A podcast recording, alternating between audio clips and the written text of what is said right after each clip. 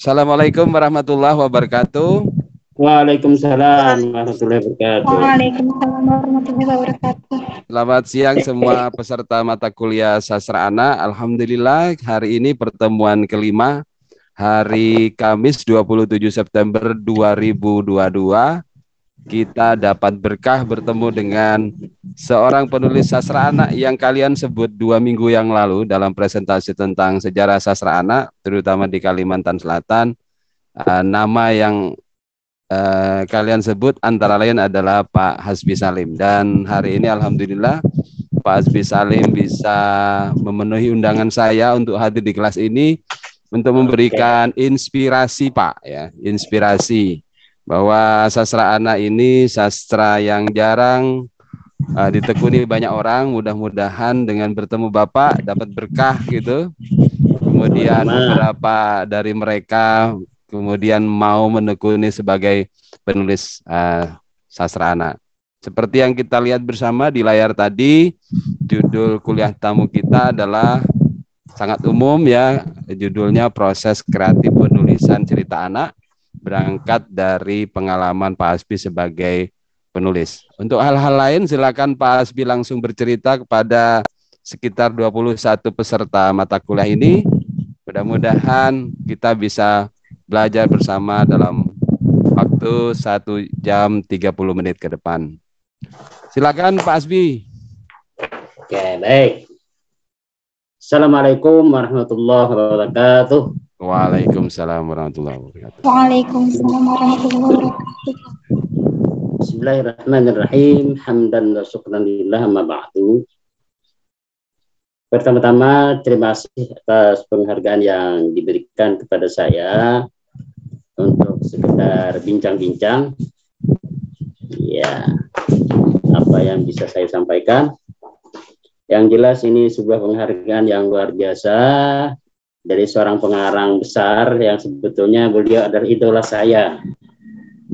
Nah, hampir setiap arus sastra saya ketemu buku tulisan beliau ini saya serbu karena saya terinspirasi dari situ lalu menulis dan menulis. Oke. Baik, tidak perlu berpanjang lebar. Malah saya ingin uh, katanya Pak Sainul juga bahwa uh, kita menginginkan uh, dari bawah. Artinya apa yang diinginkan oleh mahasiswa atau peserta didik, itulah yang kita coba jawab semampu kita tentunya. Nah, daripada saya yang menyajikan, jangan-jangan ini sajian siang yang nggak cocok. Nah, gitu kan. Silahkan, ada yang mau ingin apa bertanya atau apa gitu ya, apa yang perlu saya sampaikan nih. Silakan. Baik, mungkin perkenalan dulu Pak Asbi tentang uh, uh, apa mulai kapan menulis cerita anak, cerita anak yang sudah ditulis kemarin ada, ada sih beberapa karyanya Pak Asbi disebut, tapi mungkin kalau Pak Asbi menyebut lain lagi ceritanya kan. Jadi apa ke depan ini mau bagaimana proses kreatifnya Pak Asbi atau uh, beberapa belakangan ini masih menulis cerita anak atau sudah berhenti gara-gara kritikus gitu. jadi bisa mungkin cerita dulu Pak Asbi. Jadi sekarang uh, pekerjaannya jadi perkenalan dulu Pak. Silakan Pak. Oke, nah artinya yang diinginkan ini adalah perkenalan berarti. Baik, uh, sebetulnya ya saya ini boleh dikatakan seorang kalau boleh dikatakan penulis, penulis nekat betulnya. Kenapa penulis nekat? Saya bermodalkan keinginan untuk menulis sesuatu, menyampaikan sesuatu kepada pembaca. Akhirnya jadilah tulisan, gitu ya. Ya, uh, terus terang ya. Ini kan cerita anak ini kan genrenya nih apa sastra ini ya, cerpen ya. Uh, boleh dikatakan begitu saya dulu tidak suka yang namanya cerita. Cerita novel, itu tidak suka saya, terus terang. Yang namanya layar terkembang, eh, di apa, pokoknya Siti Nurbaya dan sebagainya. Nggak pernah saya selesai baca uh, yang seperti itu tuh.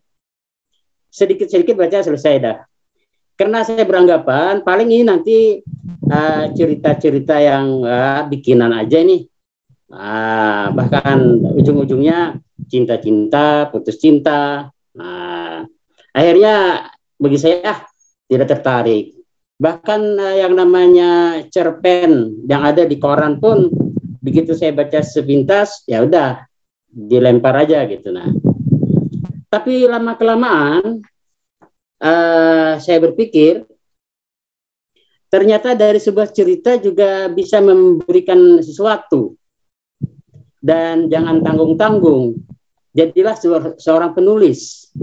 Karena ibaratnya kasarnya ibaratnya kita bisa mematikan tokoh bisa menghidupkan tokoh gitu ya. Nah dan kita bisa menyampaikan pesan baik itu secara gamblang maupun secara uh, tersembunyi. Nah, dari apa yang kita bicarakan. Nah, dari situlah saya mulai tertarik apa yang namanya cerita. Dan salah satunya adalah cerita anak, begitulah mungkin ya. Nah, dengan begitu uh, saya mencoba untuk uh, menulis sebuah cerita. Nah, seperti komentar dari ya uh, Pak Sainul juga di koran waktu dulu. Saya ini termasuk katanya uh, penulis jalan lurus gitu ya. Kalau kata begitu ya. saya ya tersenyum-senyum dikit itu ya. Uh, yang kata Pak Sainul itu mungkin begini artinya bahwa Pak Hasbi itu uh, jika pelakunya ini berbuat jahat maka nanti dia akan mendapatkan uh, ganjaran kejahatan itu gitu ya. Nah itulah barangkali yang dikatakan penulis uh, ini jalan lurus gitu ya. Nah, oh ya tentang menulis cerita anak itu sebetulnya banyak cerita kenyataan, tuh, uh, sebetulnya banyak cerita-cerita kenyataan sehari-hari karena waktu itu anak-anak saya masih kecil ya yang jadi dosen di Yogyakarta itu dulu masih uh, kelas uh, 1, kelas 2 SD gitu ya. Uh, bahkan itu ada cerita yang unik-unik gitu ya. Dan sebetulnya beranjak dari kenyataan, hanya dibumbui dengan ya namanya sebuah fiksi kan. Dan pada intinya adalah tadi jalan lurus ingin menyampaikan sesuatu kepada uh, pembaca. Oh ya sekarang ini saya memang agak ini Pak Seno terus terang agak mandek untuk menulis ya. Uh, terus terang Facebook saya pun hampir nggak tersentuh lagi nih. Mungkin bisa lihat diikuti aja hampir tak tersentuh ya. Ya mungkin karena terus terang ada ada orientasi tertentu dalam hidup tentunya. Tapi nggak nggak apa-apa. Menulis uh, sekarang saya uh, hanya tidak dipublikasi dalam artian nulis nulis nulis cukup untuk dibaca sendiri ya dan ke depannya tentunya saya juga sangat berharap untuk uh, tetap menulis karena sudah komitmen diri bahwa ya berjuang ataupun berdakwah melalui tulisan itu adalah satu hal yang langka ya karena itu penting. Nah, adapun karya-karya ya selama ini ya uh, ya tidak begitu banyak. Hanya kalau ditanya oleh siswa santri biasanya uh, prestasi bapak apa, apa saja gitu ya. Nah sebetulnya kegagalan saya lebih banyak daripada prestasi saya saya bilang. Terus terang saya nulis di Postbook Pusat Perbukuan Nasional itu sampai juara empat dulu ketemu dengan Mbak Mega ketika presidennya Gus Dur itu sudah enam tahun gagal. Dan enam tahun saya nulis. Nulis terus enam tahun itu. Nulis dan nulis dan nulis. Baru tahun ketujuh tembus nah, artinya kalau dihitung sukses saya itu hanya sedikit. Tapi gagalnya banyak. Nah jadi saya sering cerita dengan teman-teman dengan uh, orang-orang memotivasi. Uh, kalau tanya prestasi ya barangkali banyak gagalnya karena saya juga dulu pernah punya program gempur penerbit, gempur uh, koran. kalau saya tulis ke koran pada hari itu ngirim ke lima koran misalnya. Ke nanti majalah ada lima majalah yang harus saya uh, tembus. Apa artinya kirim? Ya dengan bertebaran tolak tolakan-tolakan lah. Ya ditolak. Ada satu dua nyangkut ya syukurlah nah begitu sekitar sekilasnya uh, ya nih apakah uh, Pak Saino atau Bang Saino atau gimana nih ya? Ya pokoknya ini terima kasih nih. Itu dulu ya boleh mungkin silakan apa lagi? Baik Pak. Uh, ini kan hari ini pertemuannya tentang uh, menarik ya tadi apa yang disampaikan oleh Pak Asbi bahwa Pak Asbi itu sudah berkali-kali menulis dan beliau punya program gempur tadi ya. Nah, ini kelas ini kan memang dimaksudkan untuk memberikan inspirasi Pak Asbi dari dari penulis ya terkait dengan program MBKM sekarang bahwa kelas harus terbuka bagi publik ya. Kelas harus memberikan dampak pada publik dan kelas juga harus melibatkan publik. Uh, jadi ini adalah salah satu implementasi dari program yang sedang di eh, apa dilaksanakan oleh pemerintah yaitu eh, merdek apa kampus eh, apa merdeka belajar kampus merdeka dengan menghadirkan eh, maestro langsung. Jadi maestro di sini dalam pengertian kita belajar langsung dari orang yang memang profesinya sebagai penulis. Nah, Nah, Pak kita tahu bahwa Pak Asbi ini bukan hanya menulis cerita anak ya Pak Asbi ya. Ada banyak cerita yang ditulis baik fiksi maupun non fiksi ya. Tadi Anda sudah dapat uh, ceritanya. Di Kalimantan ini sebetulnya cukup banyak penulis seperti yang kalian sebut kemarin di kelas uh, ya seperti Pak Iwan Yusi. Kemarin saya sudah menghubungi Pak Iwan, Pak Asbi, tapi beliau uh, tidak kan berhalangan, tidak mungkin uh, karena mungkin tidak terbiasa untuk menggunakan perangkat teknologi pembelajaran yang baru seperti ini, Pak Asbi ya. Memang kami sekarang sudah luring, tapi untuk menawar beberapa kemungkinan uh, dalam menawar fleksibilitas pembelajaran, Pak, kami menggunakan ini. Jadi kami tetap memadukan antara luring dan daring. Nah, seperti ini kan Pak Asbi, kami tidak perlu ke Amuntai mendatangi Pak Asbi atau sebaliknya kan. Kita cukup duduk iya. tempat masing-masing. Ini salah satu berkah dari pandemi, Pak. Iya, ya, ya meskipun betul. sekarang kampus sudah menghentikan langganan Zoom dan alhamdulillah uh, anak-anak ini cukup punya dosen yang cukup kaya untuk membeli Zoom sendiri. Baik, uh, yang ingin kita dengar Pak ceritanya um, cerita tentang misteri pohon kesturi itu kan salah apa apa itu satu-satunya cerita anak yang Pak Asbi tulis atau ada cerita anak lain yang pernah Pak Asbi tulis?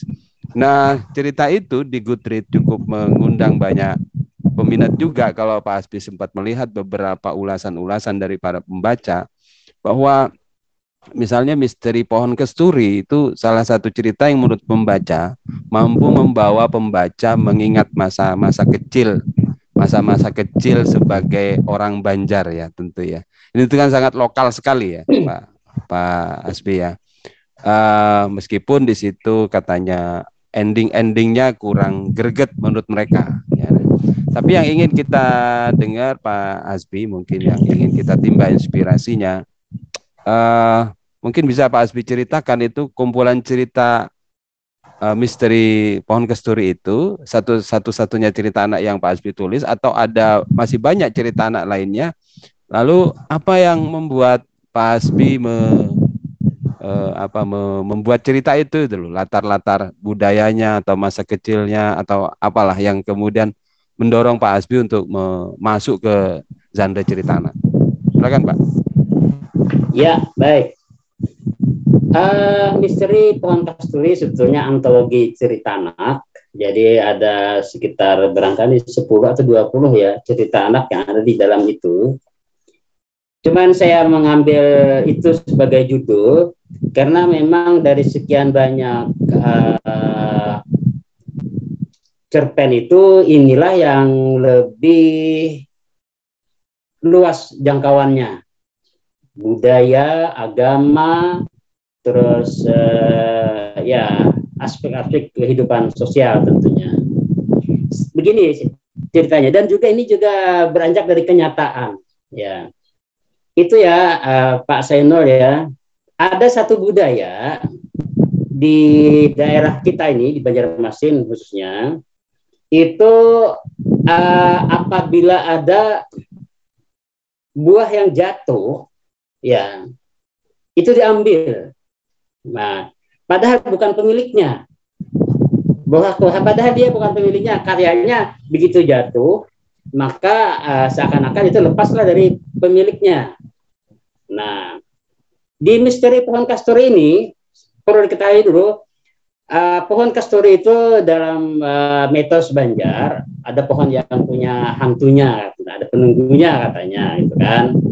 Nah, di cerpen ini sekalian juga memecahkan misteri itu, mitos-mitos itu.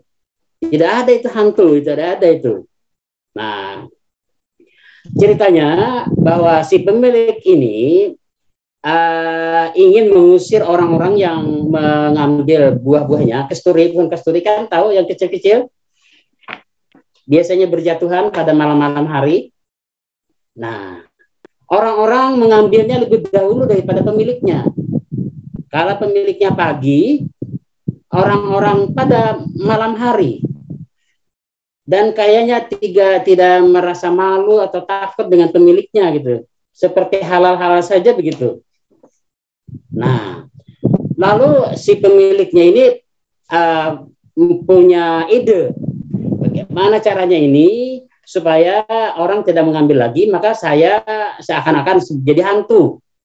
Wah, sehingga metos yang hantu itu bisa benar-benar ada dan uh, ditakuti oleh orang-orang gitu ya.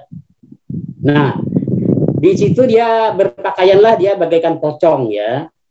Nah, nah tapi uh, celakanya si pem, uh, yang orang-orang yang ngambil buah-buah ini nekat juga uh, hantunya malah dikejarnya, dipukulnya. Nah, di situ Pak Zainal. Dipukulnya di tengah itu, akhirnya ter, ketahuan lah. Uh, ternyata bukan hantu, tetapi pemilik uh, pohon kesturi itu. Akhirnya disidang di tengah uh, kapal desa. Maaf, begitu diadakan uh, artinya tanya jawab ini kenapa kok bapak menakut-nakuti masyarakat begini? Katanya sebab kalau tidak begini uh, saya tidak terasa lagi buah milik saya habis diambil orang sementara pohon kasturi itu kan dia baru bisa dimakan ketika dia sudah jatuh nah itu Pak Seno itu makanya kasturi itu pasti masak uh, matang betul baru bisa di makan. Nah, dengan begini dengan harapan orang e, tidak berani lagi ngambil. Tapi ternyata terjadilah insiden itu. Nah, akhirnya e, jadilah di di desa itu bahwa e, kepala desa menasehati. Nah, ini kita sebuah pembelajaran bahwa tidak boleh lagi ngambil punya orang. Zaman dulu zaman dulu barangkali seperti itu uh, dibiarkan aja gitu ya pembiaran ya.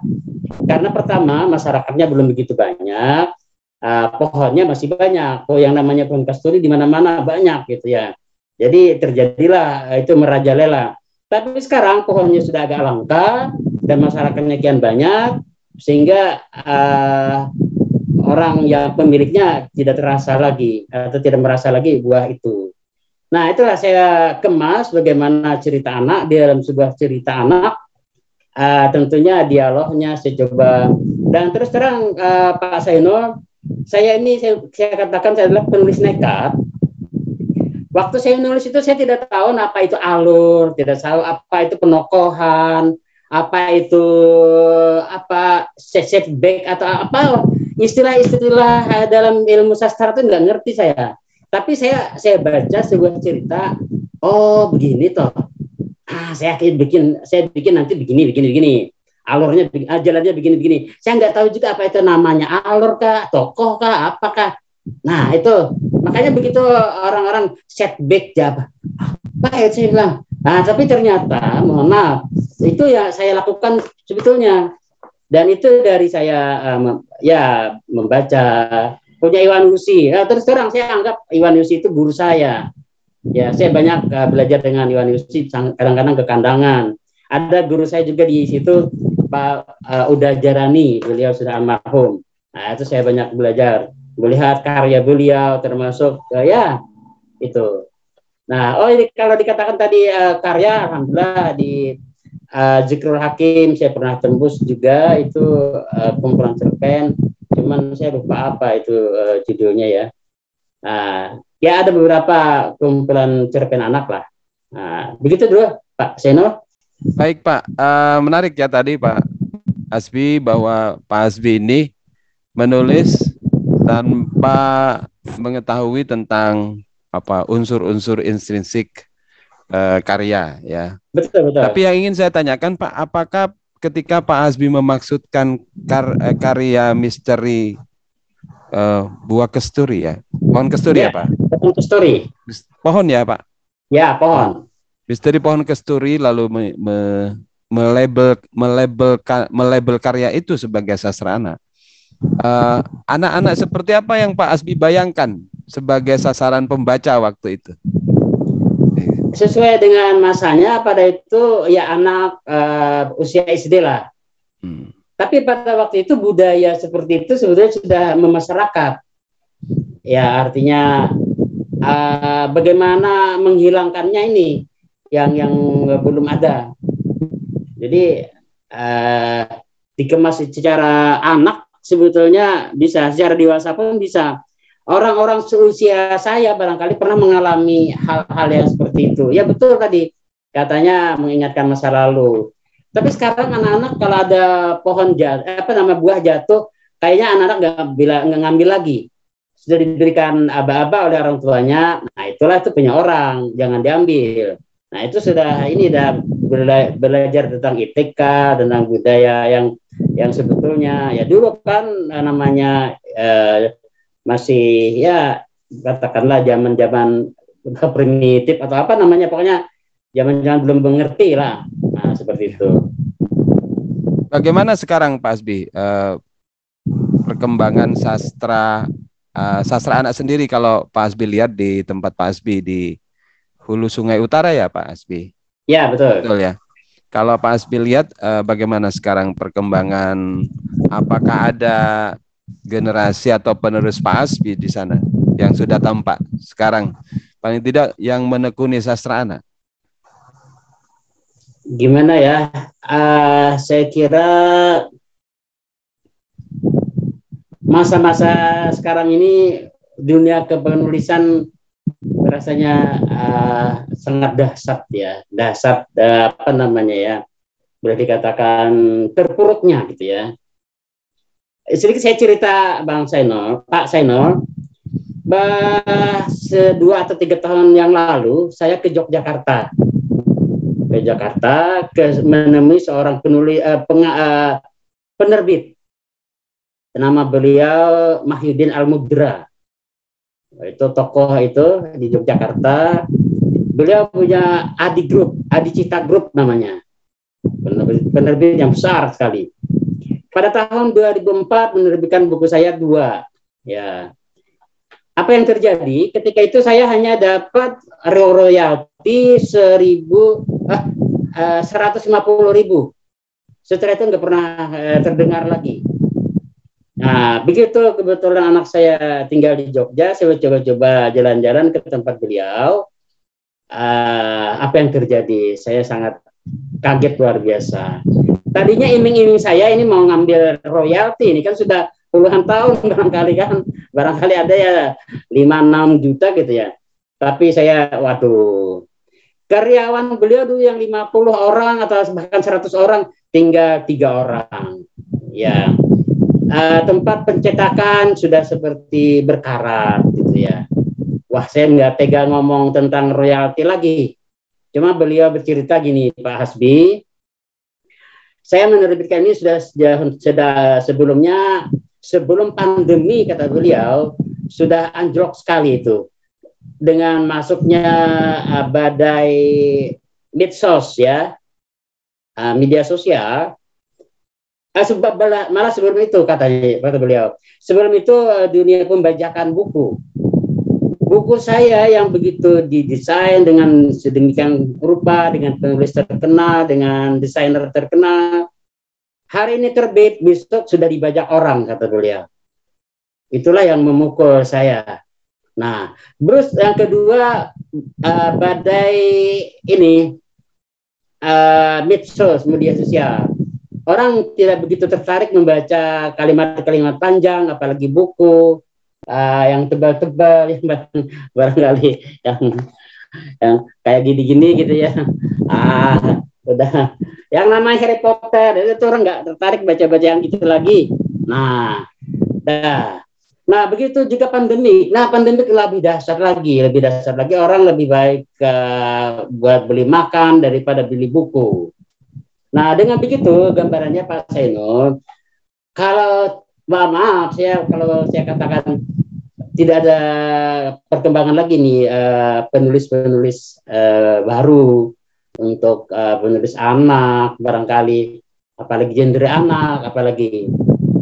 Maaf maaf dulu kalau saya nulis ada koran di Surabaya Jogja asal nulis pasti keluar waktu itu datang uh, wisel ya dua puluh lima ribu alhamdulillah. Nah itu membesarkan kita juga senang. Wah kalau sekarang ya nggak ya tulisan kita koran aja kan bang saya eh, lihat tidak ada menyediakan kolom untuk sastrawan kan? Itu nanti bisa kita masukkan kita gimana? Saya alhamdulillah saya masih berlangganan koran itu tapi saya lihat di mana kolom sastra ini kok nggak ada sejengkal pun gitu ya. Barang barang puisi atau apa gitu. Ini gimana mengembangkan penulis-penulis baru? Ya udah. Nah jadi akhirnya ya boleh dikatakan saya bisa berkesimpulan tapi mungkin terlalu berani. Hampir nggak ada ini yang muncul no menulis gitu ya. Apalagi orang sekarang menulis ah honornya berapa sih atau royaltinya berapa sih wah udah seperti itu lain dah nah ini Begitu dulu. Begitu, betul Pak. Zaman sudah berubah Pak ya. Pengasuhnya pun juga berubah. Sikap pembaca juga berubah. uh, yang nggak berubah mulai dulu pemerintah. Ah. pemerintah dia punya mimpi macam-macam termasuk pengembangan literasi. Nah, akhirnya yeah. sekarang literasi anak entah siapa yang mengasuhnya. Kan. Jadi hmm. uh, kalau kita lihat di dunia yang semakin mengglobal ini ya. mestinya orang harus uh, menaruh apa menaruh harapan pada pembangunan-pembangunan literasi di tingkat lokal misalnya ya, di tingkat ya. kabupaten. Nah perayaan-perayaannya juga pun tidak ada pak ya, misalnya di tingkat lokal. Uh, kita, uh, mungkin ber, beruntunglah daerah-daerah yang masih punya orang, punya visi, mungkin punya duit lebih, lalu kemudian mereka dengan cara mereka masing-masing tanpa harus ber, mengharap kepada pemerintah membuat program-program yang mencoba untuk melawan semua uh, apa semua gejala globalisasi yang Bapak sebut tadi termasuk globalisasi dan kapitalisasi media sosial yang kemudian membentuk uh, anak sedemikian rupa sekarang. Malas membaca hal-hal yang panjang misalnya ya uh, malas uh, apa bercerita kemudian dia hanya menjadi konsumen dari cerita-cerita orang tidak tidak mampu menceritakan dirinya sendiri dan sebagainya nah Betul. sebetulnya uh, cerita anak itu yang uh, kalau kita lihat lagi ke sekolah-sekolah Sekolah-sekolah juga begitu, tidak terdengar kabarnya bagaimana mereka mengembangkan sastra anak di sekolah. Jadi ada banyak ada banyak harapan sebetulnya sih yang bisa diharapkan kepada mahasiswa saya nih yang jumlahnya sekitar 20-an, mungkin lebih 40-an. Bagaimana menjawab tantangan zaman ini? Kita dengarkan tadi langsung dari uh, tokoh sastra anak yang kebetulan berada di hulu sungai utara atau Amuntai tapi sudah melanglang buana ke mana-mana, sudah pernah mendapatkan penghargaan, uh, dan saya harap uh, jawaban tentang pertanyaan-pertanyaan tadi juga uh, apa juga apa di dijawab oleh kawan kawan-kawan yang ada di kelas ini. Silakan yang ingin bertanya ya pada Pak Hasbi. Sebentar ya. Ya, silakan Pak. Nggih, nggih, silakan. Saya ingin mengomentari ya katanya tadi uh, tentang literasi ya. Nggih.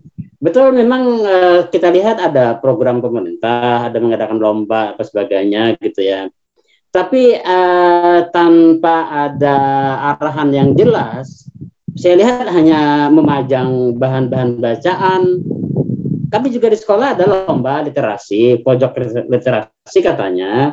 Saya perhatikan apa ini ini bukan membuat anak berkarya juga kayaknya hanya sekedar memajang uh, di setiap kelas kita ada punya sudut uh, bahan bacaan, ada buku-buku tebal-tebal. Nah, ini barangkali nanti ini pihak akademik ini juga Pak Sainol dan kawan-kawan barangkali uh, perlu cari jalan lah bagaimana ini bisa menghidupkan lagi gitu ya. Begitu Pak Sainol. Oh iya, karena Pak Asbi menyebut tadi tentang pojok literasi, Kebetulan saya sedang membimbing uh, beberapa mahasiswa yang sedang PPL di beberapa SMP, Pak Asbi. Um, setiap hari mereka saya minta untuk membuat catatan harian tentang kegiatan mereka di sekolah. Antara lain mereka cerita tentang adanya pojok literasi. Ketika hmm. saya tanya, coba kamu ceritakan lebih detail apa yang kamu maksud dengan pojok literasi itu. Ya mereka tidak bisa bercerita banyak karena yang namanya kegiatan literasi itu ada beberapa menit sebelum pelajaran dimulai membaca e, bacaan selain pelajaran sendiri-sendiri. Ya, ya. Sampai sebatas itu. Jadi hanya sebatas itu saja yang namanya eh, apa kegiatan literasi. Sekian menit menyempatkan diri untuk membaca buku selain buku pelajaran tapi tanpa proses yang interaktif, tanpa yeah. proses yang dialektik, tanpa ya. proses yang bisa mengarahkan uh, mereka untuk misalnya mem memba bukan membaca lima menit, tetapi seharusnya dibalik. Jadi hmm. uh, mereka setiap lima menit itu setiap hari diberi kesempatan untuk menceritakan apa yang mereka baca di rumah, buku kesukaan mereka ya. Hmm. nah, itu akan jauh berbeda dari dari sekedar membaca lima menit bukunya sendiri-sendiri atau mengambil buku dari pojok literasi yang ada di setiap kelas. Tanpa tanpa kedalaman ya. Cuma mungkin membaca satu halaman setelah itu tidak kembali lagi gitu. Itu hmm, bakal ya. beda ceritanya. Entah bagaimana kalau di sekolahnya Pak Hasbi tentang kegiatan literasi di sekolah. Itu tadi cerita anak uh, para mahasiswa yang sedang PPL Pak di, di tiga SMP. Tapi kalau di sekolah PASPI bagaimana?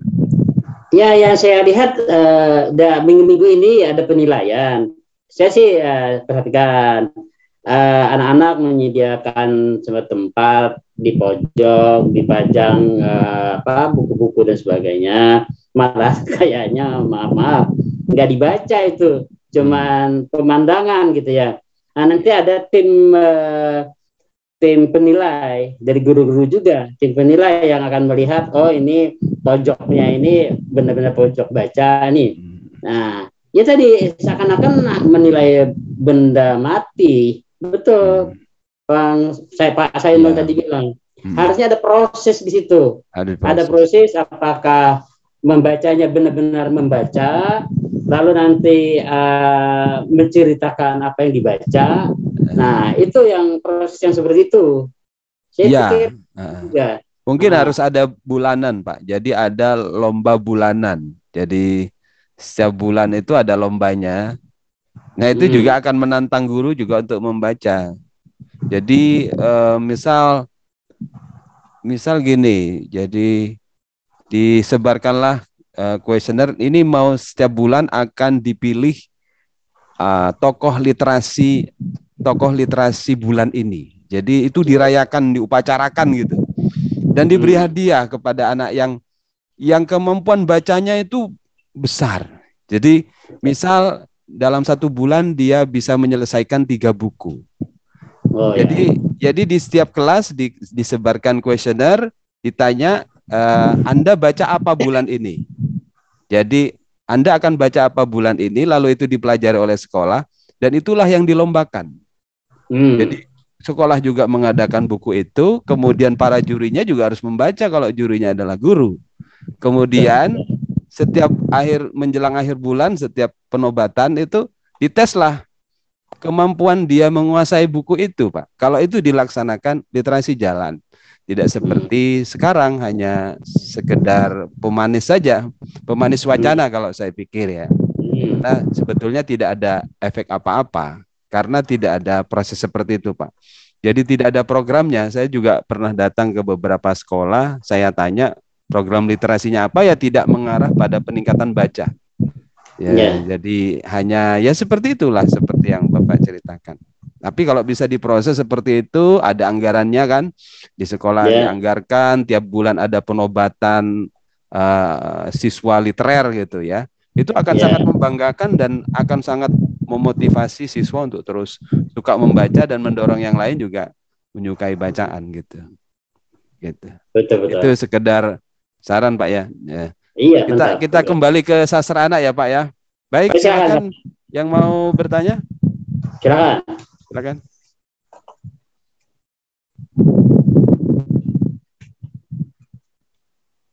Ada yang mau bertanya?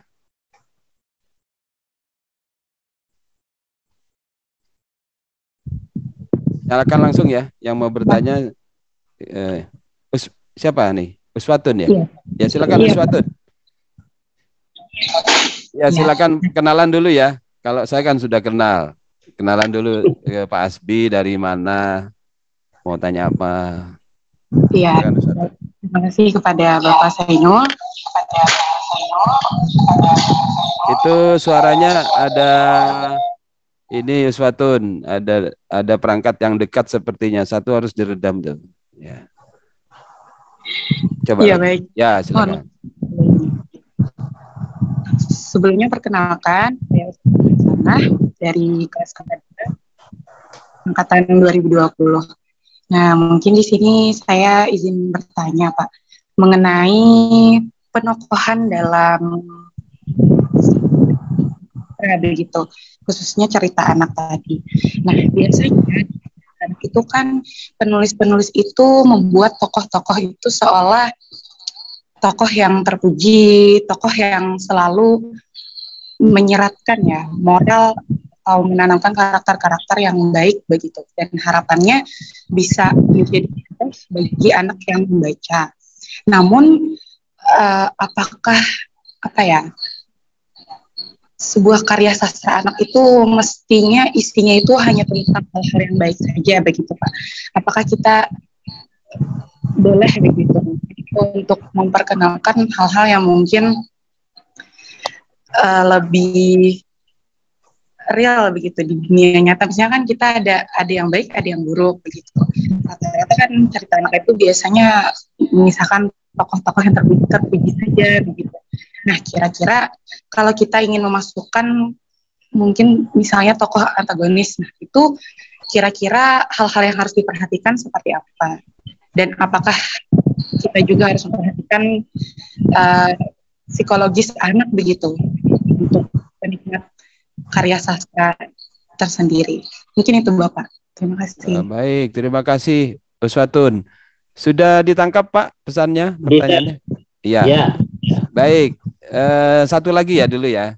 Eh, satu lagi. Satu lagi ada? Hmm. Ada lagi?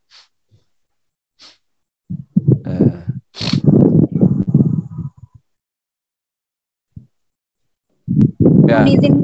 baik, Izin silakan Nabila. Ya, baik. Terima kasih. Sebelumnya perkenalkan saya Baiduri Nabila dengan NIM 2011161200004.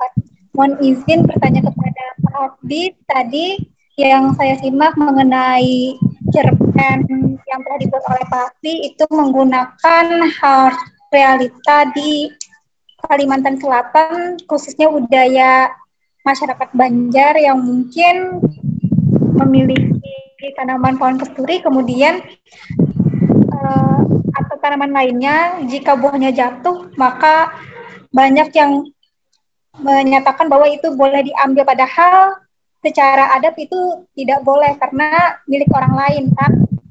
Nah dari yeah.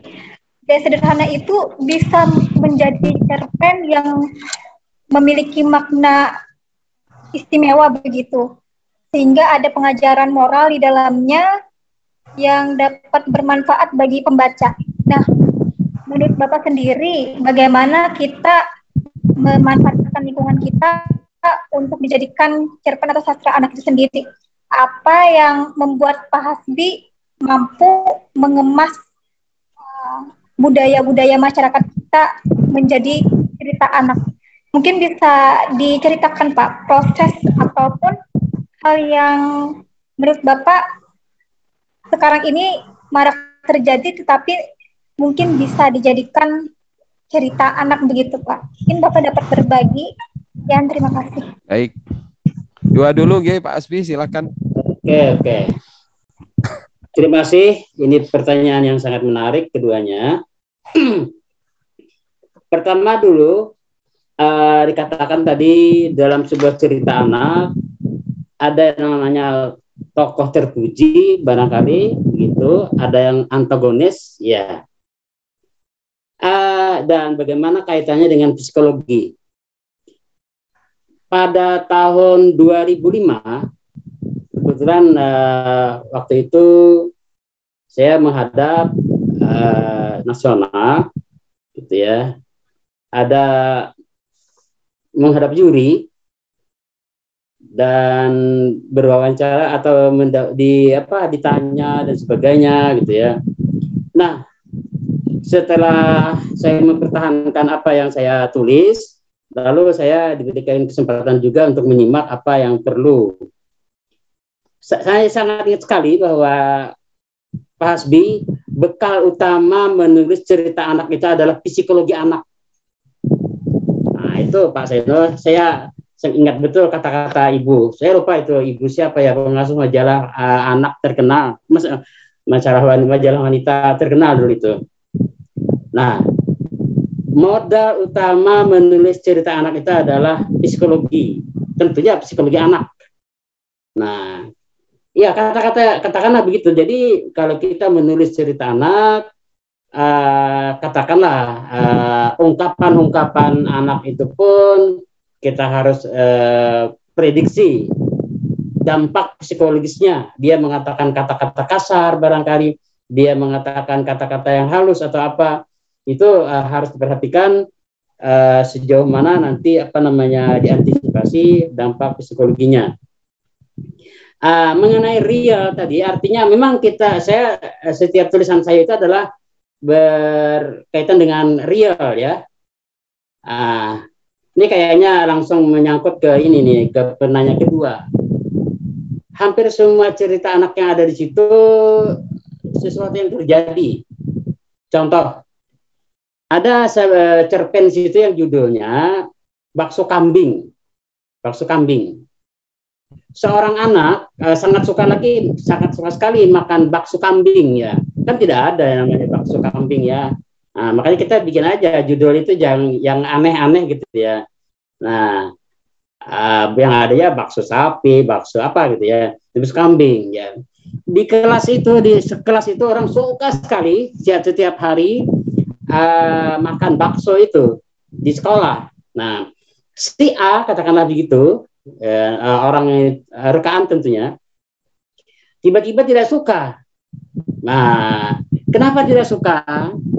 Ternyata dia melihat tukang bakso itu ngambil airnya di toilet. Ah, ya bukan yang kotor sih, tetapi e, mungkin kerannya ada di toilet dia ngambil di situ kan. Nah lalu nanti e, di, dibikinnya makanan untuk e, bakso gitu kan. Nah dia ini melihat betul itu. Nah akhirnya dia bilang ah saya tidak ingin makan bakso, tapi dia tidak mau memberitahu bahwa ada bakso yang lebih enak malah bakso kambing di sana di sini sini. Saya tidak suka dengan bakso sekolah itu. Nah, jadi uh, dia ingin menyampaikan uh, bahwa tentang bagaimana seorang penjual bakso ini harus hati-hati dan sangat teliti jangan sampai uh, melakukan hal yang jorok yang tidak baik. Uh, Pak Senul dan mahasiswa sekalian, tahukah kalian ada juga orang-orang yang tidak bertanggung jawab di sekitar kita. Kalian suka makan bakso kan? Eh, bukan, pentol kan? Diam-diam saya pernah melihat penjual pentol memungut tusuk lidi yang sudah dilempar orang di jalan. Nah, yang udah dibuang.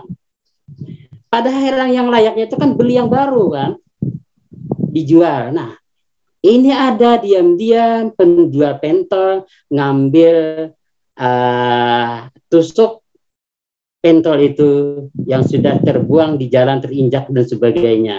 Ya dicuci sih. Nah, saya ingin menyampaikan pesannya itu eh, dari dulu saya eh, apa namanya cerpen saya itu cerpen anak eh, bahwa yang pesannya itu bahwa janganlah apa meremehkan hal-hal yang seperti tadi mengambil air di toilet lalu dibikin makanan untuk dijual. Nah, ini sekarang yang sekarang aja itu ada yang terjadi jual pentol tusuknya dari yang sampah yang ada. Nah, ini kan pesan moralnya sebetulnya langgeng apa ya universal begitulah. Tapi bisa terjadi kapan pun. Nah itu. Lalu kayak ini eh, kata si ini tadi Nabila ya realitas sederhana tapi eh, katakanlah berdampaknya yang luar biasa gitu kan. Nah iya kita hal-hal yang kecil kita memang perlu peka kita melihat kehidupan ini begitu melihat ini terjadi oh begini. Ini kalau dituangkan dalam sebuah cerita anak ini bisa jadinya begini-begini gitu ya. Nah, ada juga kemarin eh, anak saya ikut lomba ya Pak Seno ini saya ingin mengatakan hal sederhana tapi eh, berkesan. Anak saya ini waktu itu kan cerpen ini kan tahun 2005an ini ikut lomba nasid. Ini ini kenyataan ini Pak Seno, kenyataan ini. Lomba nasid, dia pinjam punya sepupunya yang CD itu ya. Ah, dulu kan ada itu kan. Nah, lalu latihan menyanyi, latihan menyanyi. Begitu asik-asik latihan diambil, ya. Orang pemiliknya mengambil, aduh sedih juga saya. Sedih, ya.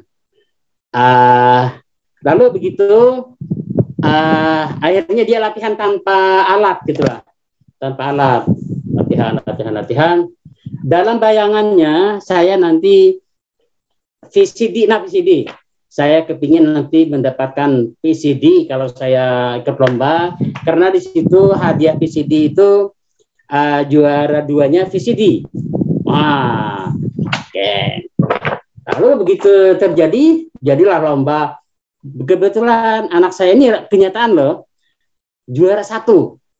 Hadiahnya sepeda juara dua VCD dia nangis bang Seno nangis pulang anu dapat hadiah sepeda nangis. Eh lalu pamannya pamannya ini pamannya di Banjarbaru. Dia kepala uh, bank BPR dekat Sekumpul itu kepala bank BPR itu si Khairuddin Lalu melihat kenapa nangis? Oh, saya mau VCD. Ah, ikan juara satu, sepeda lebih mahal. Enggak VCD. Nah, aduh, oh, ya. Jadi begitu ini, akhirnya pamannya ya kebetulan ada uang mungkin, yuk kita ke, ke toko, kita ke toko. Apa? Oh, belikanlah VCD. Akhirnya, waduh, senangnya. Yang namanya sepeda itu enggak dipakai lagi. Pokoknya, nah itulah.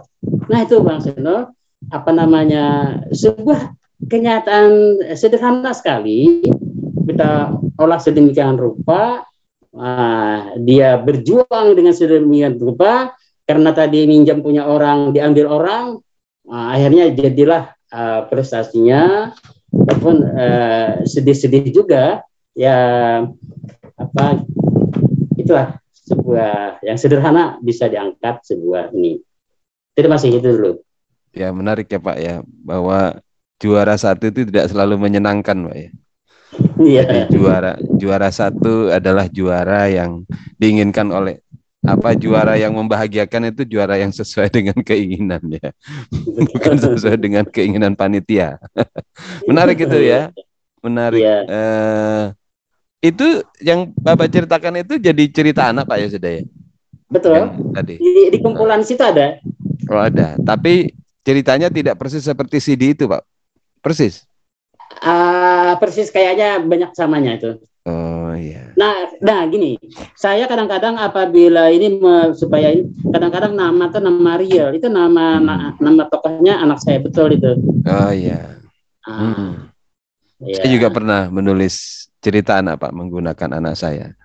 Oh, anak-anak Iya. itu. betul. Karena deket ya men- menggunakan nama yang akrab itu tidak repot membayangkannya pak ya. Batasan Ya, batasan batasan penokohannya sudah ada. Iya, Ya, karakternya kita sehari-hari tahu dia misalnya marahnya begini, iya. kalau dia senangnya begini kan itu. Hmm. Jadi Ya. kalau misal kita mau menulis cerita anak menggunakan nama-nama kawan kita itu itu memudahkan dalam menulis. Misal kita menggunakan nama siapa tadi Uswatun Hasanah atau dan Ya, Baiduri Nabila tokohnya. Itu di ya, itu sudah memberikan kemudahan bagi penulis untuk tidak membayang-bayangkan bagaimana nanti eh, kelakuan dua tokoh ini karena kita sudah punya stok Eh, karena sudah akrab kan. Jadi betul betul. eh, nama itu sekaligus memberikan batasan ya. Ya, Karena ketika seorang pengarang memberikan nama pada tokohnya, itu Ya. nama itu sekaligus sudah mewakili karakteristiknya, Pak ya. Eh, betul. keterbatasannya, kekuatannya, kelemahannya, kelebihannya dan macam-macam. Eh, Betul. sehingga kemudian akan mempermudah menulis cerita ketimbang kita eh, membuat tokoh yang tokohnya sendiri kita tidak tahu tuh ya, eh, karakteristiknya seperti apa, bayangannya dalam kenyataan itu seperti apa. Tapi kalau kita sudah punya bayangan dalam kenyataan, eh, kita mudah menuliskannya, Pak ya. Kira-kira Betul. seperti itu kalau di dalam proses kreatif. Jadi kalau Iya. tokoh-tokoh yang Bapak pilih ya di tokoh-tokoh cerita Pak Asbi itu juga bersandar pada kenyataan karena kenyataan itu bisa membuat proses menulisnya lebih mudah ya, Pak ya. Iya, membantu kita untuk membayangkan bagaimana dia marah, dia ekspresinya Hmm. bagaimana itu lebih Iya. mengarah ke sana, betul. Nah Hmm. itu Pak Sainul, saya juga eh, tidak pernah baca teori apa gitu ya. Cuman Iya. dari itu aja alami lah ibaratnya itu kan. Iya. Eh, Bapak tadi menyebut nama Pak Uda Jarani dan siapa tadi Pak? Eh, Iwan Yusi. Iwan Yusi. Yang Bapak pelajari dari dua penulis. Beliau ini kan juga penulis cerita anak Pak ya? Iya, Salah. Yang Bapak pelajari dari dua tokoh ini apa Pak? pertama eh, saya melihat Pak Uda Jarani itu eh, penulis yang hampir tiap tahun dapat penghargaan gitu ya. Eh, dia beliau mengangkat tentang budaya misalnya eh, budaya-budaya khas daerah misalnya itu yang yang saya penekanannya di situ. Beliau ini khas daerah-daerah itu diangkat, gitu. Loksado dan sebagainya kan, eh, Padang Kangkung gitu ya. Nah, kalau si Iwan Yusi saya yang tertariknya bahwa pemaparan Iwan Yusi itu begitu detail. Katakanlah eh, seorang berada di desa bunyi daun gemercik daun dan di dan air-air yang satu persatu berjatuhan sehingga membuat bagaikan musik. Nah itu yang saya sangat tertarik Iwan Yusi itu sehingga satu kata bisa menjadi berhalaman-halaman sehingga begitu tergambarnya keadaan itu itu yang saya diam-diam saya melihat itu kalau beliaunya sih nggak tahu saya belajar dengan beliau nggak tahu ya. tadi saya, saya menganggap beliau eh, berjasa pada saya tentang kepenulisan Ya, eh, dua orang itu Pak ya. Jadi memang di Kalimantan ketiga Selatan, yang, ya, silakan yang Pak. ketiga yang di depan saya ini.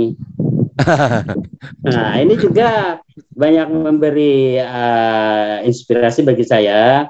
Secara terucapkan sih enggak, tapi alhamdulillah beberapa buku beliau uh, saya miliki, saya pelajari dan sebagainya. Nah, ini orang yang sangat uh, ya luas wawasannya, terus juga punya berbagai pengalaman itu. Ya. Ya harapan saya Pak dari ngobrol-ngobrol di dalam perkuliahan ini, ini ada sekian nama Pak dan kebetulan hampir semuanya adalah perempuan dan mereka sudah tahu sekarang ketika membaca sejarah sastra anak bahwa di Kalimantan Selatan eh, belum eh, ada tetapi belum terlalu banyak penulis cerita anak yang perempuan ya. Jadi eh, kehadiran mereka mudah-mudahan nanti eh, dari kelas ini mudah-mudahan adalah dari mereka Ya, yang ya, nih. mau menekuni ya mereka punya tanggung jawab moral Pak terhadap apa eh, apa namanya ya namanya pelestarian budaya literasi eh, pelestarian Ya. sastra anak di Kalimantan Selatan Eh, Ya, supaya apa supaya kita punya kebanggaan kan Pak ya kita perlu Ya. punya kebanggaan daerah jangan Ya. sampai kita terus selalu membangga-banggakan penulis dari luar kan kita Betul. perlu juga kalau eh, kita memang bangga kita sebagai eh, warga Banua, warga Kalimantan Selatan harus berani tampil menjadi orang yang bisa membanggakan daerah ini dan lalu kemudian karya-karyanya menjadi bacaan yang terus menginspirasi. Itu saja. Pak karena ini adalah mata kuliah baru semester ini Pak ada mata kuliah ini di kampus Oh, ini begitu. ya. Sebelum-sebelumnya sebelum-sebelumnya belum ada Pak, mata kuliah ini. Hmm, Eh, sementara eh, faktanya, kenyataannya hmm, apa eh, pembaca anak itu pembaca yang paling besar sebetulnya. ya, Jadi pembaca anak itu pembaca yang sangat besar. Jadi kalau mereka mau berkarya di bidang ini eh, dengan karya yang bagus, eh, mempelajari apa tadi Pak Asbi bilang bahwa modal penulis sastra anak eh, dia harus tahu tentang psikologi anak gitu ya. ya, betul. eh, eh, tahu tentang eh, apa kualitas apa itu kualitas bacaan anak ya, kemudian mau melakukan mulai berkarya tanpa kenal lelah meskipun Betul. mungkin media kita tidak bisa sekarang mengharap ke media besar seperti dulu karena tidak ada lagi media besar itu Pak semua media sudah hancur Ya, sekarang orang beralih ke media sosial dan media Hmm. sosial sekarang menjadi kekuatan sebetulnya. Hmm, Nah, tinggal bagaimana eh, para para peserta sastra anak ini memanfaatkan media sosial itu untuk eh, keperluan kreativitas ini. Keperluan kreativitas menciptakan sastra anak di zaman yang baru ini. Kita Betul, perlu mungkin dulu Kalimantan Selatan punya banyak punya aset pendongeng, pendongeng tradisi, Pak ya. ya, Karena ya paling tidak mereka mendongeng untuk anak-anak mereka kan, di di Hmm, rumah-rumah mereka. Ada Pak Andi-Andi. Nah, betul, sekarang anak-anak didongengi oleh media dan itu adalah orang lain dan itu cukup mengkhawatirkan sebetulnya karena Betul, betul. kita dalam era globalisasi ini secara tidak langsung menyerahkan anak pada pengasuhan global dan kita tidak Ya. tahu nilai-nilai luar apa yang kemudian eh, secara diam-diam menyusup ke pikiran-pikiran mereka dan itu akan membentuk perilaku mereka tanpa disadari gitu. Padahal kita tahu bahwa tidak ada yang namanya budaya yang universal. Setiap uh, kebudayaan selalu spesifik. Itu tadi yang ditanyakan oleh Swatun juga gitu. Uh, Hmm, bolehkah uh, kalau dalam cerita anak orang cenderung untuk membuat tokoh-tokoh yang baik gitu. Hmm, Uh, apakah kita uh, baik baik kemudian karena saking baiknya kemudian itu terkesan tidak nyata. Seperti malaikat, manusia yang tidak pernah punya rasa eh, tidak punya kesalahan, manusia yang serba sempurna gitu kan. Ya, Iya. Uswatun Uswatun itu kan tanya eh, bagaimana strategi menciptakan tokoh yang tokoh cerita anak yang alamiah, dia sebagai manusia yang utuh. Dia dia bagus, baik tapi sekaligus nakal itu ya. Dia punya kebaikan uh, tapi juga punya uh, kenakalan khas-khas anak-anak gitu. Ya, itu tantangan tantangan penulis sebetulnya ya. Uh, untuk tidak uh, apa untuk tidak apa mem memaksakan itu memaksakan apa uh, kebaikan manusia yang sempurna sempurna sempurnanya itu itu tergantung bagaimana cara penulis sebetulnya memainkan. Sebetulnya sudah ada banyak model ya di dalam cerita anak ya kenakalan kenakalan yang kenakalan kenakalan tokoh itu kan bisa di di ditempelkan ke tokoh bukan hanya manusia misalnya dia bisa ke boneka bisa ke benda dan lain-lain eh, apa untuk membicarakan sosok manusia yang uh, realistis. Jadi realistis bahwa memang sulit menemukan manusia yang sepenuhnya sempurna gitu ya. Jadi nah mungkin nanti Anda lihat ya uh, sastra anak yang disebutkan Pak As mungkin bisa juga nanti kawan-kawan bisa melihat uh, sastra anak. Kalau yang satunya yang nyanyian kerbau rawa itu juga sastra anak, Pak? Bukan. Iya, itu antologi sama teman-teman itu. Oh, bukan cuma pian ya? Bukan cuma Bukan sendiri, ya, bukan. Oh, itu cerita itu anak ya, Pak? Ya, cerita anak. Itu punya saya hanya satu atau dua mungkin ya. Hmm. Itu bersama kawan-kawan. Banyak itu. Baik. Oke, baik, saya tambahkan Pak Iya, silakan Pak. Okay. Uh, eh, berkaitan dengan Ria tadi, makanya saya bilang hampir semua cerita uh, cerpen saya itu beranjak dari kenyataan sehari-hari. Ya.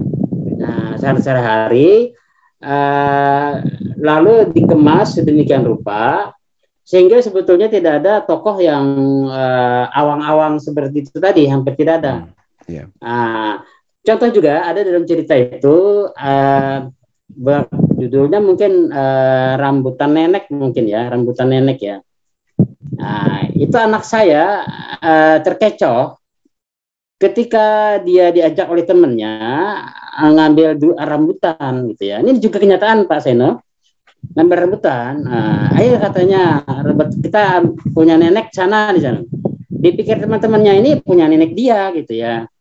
Akhirnya datanglah pemiliknya. Wah, marah-marah dengan pemukul segala macam.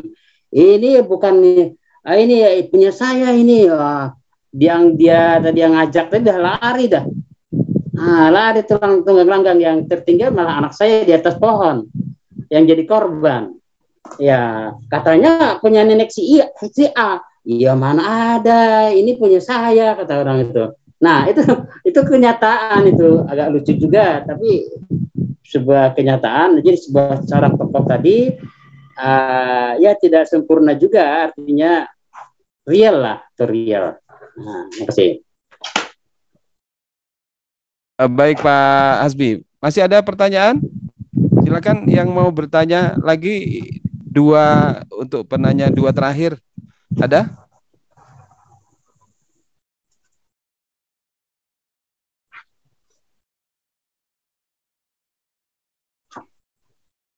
Baik, tidak ada ya? Cukup? Gimana? Baik, kalau cukup Pak Asbis kami mengucapkan terima kasih atas kehadiran Pak Sbi di sini telah uh. memenuhi kami sudah saya sudah memenuhi janji untuk menghadirkan Pak Sbi di sini okay. supaya mereka dapat inspirasi langsung bahwa nama yang mereka sebut kemarin itu ada. Iya, masih alhamdulillah.